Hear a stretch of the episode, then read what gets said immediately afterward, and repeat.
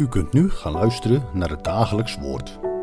Dit is iedere maandag tot en met vrijdag om 10 uur, 3 uur en s'avonds om 7 uur. Deze meditatie wordt verzorgd door dominee Westland.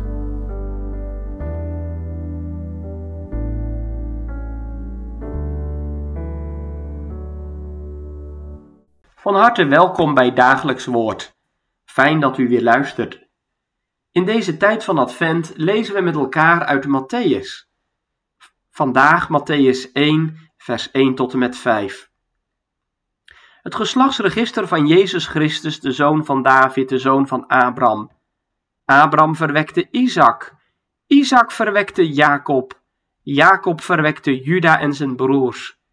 Juda verwekte Peres en Zera bij Tamar. Peres verwekte Hesron. Hesron verwekte Aram.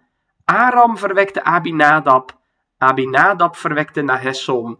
Nahesson verwekte Salmon. Salmon verwekte Boas bij Ragab. Boas verwekte Obed bij Rut. Obed verwekte Isaï. Tot zover het woord van God. Onze aandacht wordt gevraagd voor de stamboom van Jezus. Matthäus begint zijn evangelie niet zoals Johannes met een theologische beschouwing, ook niet met historische gebeurtenissen zoals Lucas. Nee, Matthäus begint zijn evangelie met de stamboom van de Heer Jezus.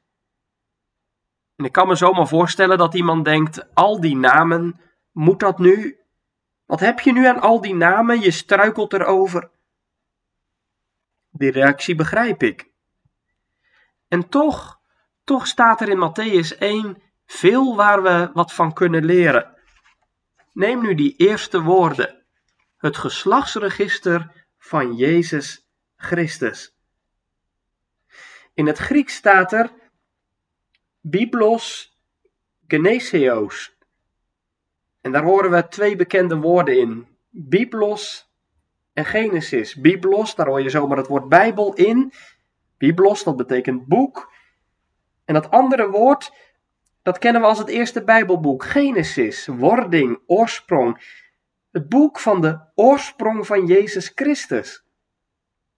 En waarom haal ik dat er nu uit? Nou, die Griekse woorden, Biblos, Genesio's, die komen ook terug in de Griekse vertaling van het Oude Testament, om precies te zijn in Genesis 5, vers 1. Genesis 5 is het boek van de oorsprong van Adam. Ik lees in Genesis 5 boek van de wording van Adam.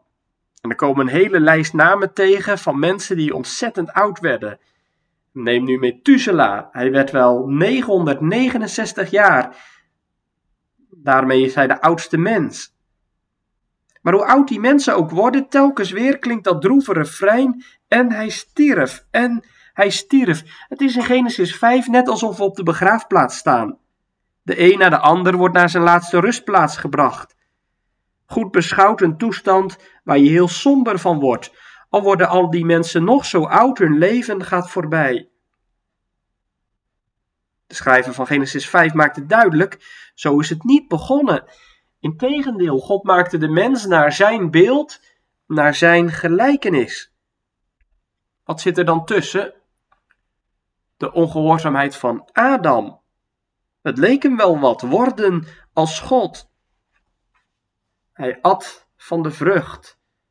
En de gevolgen waren niet te overzien. Dood en verderf kwamen de wereld binnen. Vandaar dat droeve refrein. En hij stierf.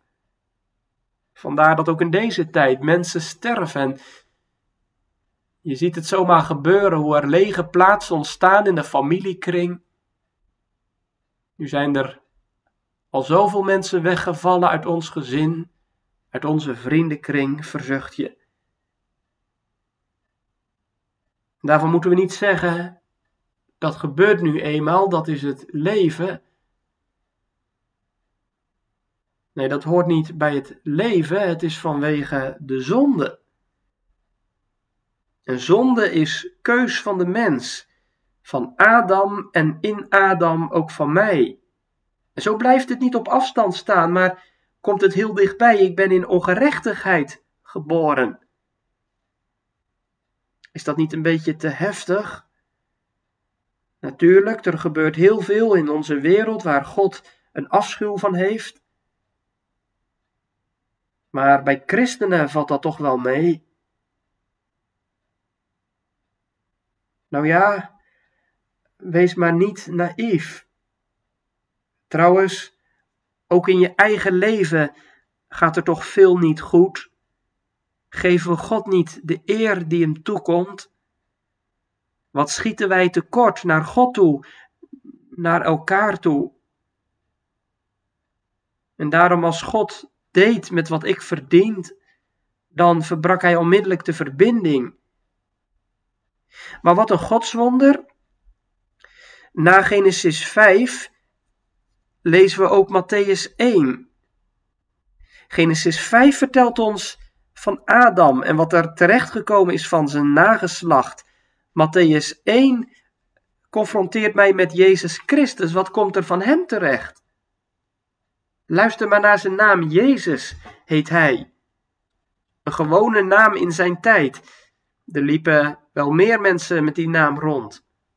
En in het Oude Testament lezen we over Hosea en Jozua, namen die ook verbonden zijn met die naam Jezus. Jezus, dat betekent redder. Het bijzondere van Jezus is dat hij heet zoals hij is. Hij heet niet alleen redder, hij is ook redder. In Jezus verschijnt God als redder van de wereld. De Jezus komt in de wereld om de strijd aan te binden tegen zonde, dood en duivel. Hij komt in deze wereld om als mens de gebrokenheid aan de lijve te ondervinden. Maar hij zondigt niet. Paulus merkt in Romeinen 8 op: God heeft zijn zoon gezonden in gelijkheid van het zondige vlees, om zo de zonde te veroordelen in het vlees. Zie hem lopen naar Golgotha. Zijn reddingswerk gaat naar een climax toe. Aan het kruis draagt hij de schuld van de mensen die alles verknoeid hebben. Hij gaat de dood in om de dood te verslaan tot overwinning. Het wordt Pasen. En als een lied klinkt het door de hof. Hij is hier niet, want hij is opgestaan. Van deze redder mag je het verwachten. Deze redder heb je nodig in leven en in sterven. Bij deze redder mag je die grote vuilniszak met zonde kwijtraken en opnieuw beginnen. Is dat niet bevrijdend? Bent u, ben jij zo bij de Heer Jezus terechtgekomen? Om in Hem het leven te vinden. Vandaag houdt Matthäus het geslachtsregister ons voor. Alsof hij ons wil zeggen: Hij is het. Om Hem gaat het. Bij Hem moet je zijn. Het geslachtsregister van Jezus Christus. Jezus, de koning. Jezus, de Messias. Hij die zijn heerschappij vestigt door de dood heen. Door de dood naar het leven. Zo is er uitzicht vanwege hem die dood en graf heeft overwonnen. Wat een wonder. Amen. Laten wij met elkaar danken en bidden. Heren, wij danken u dat dat geslachtsregister in de Bijbel staat.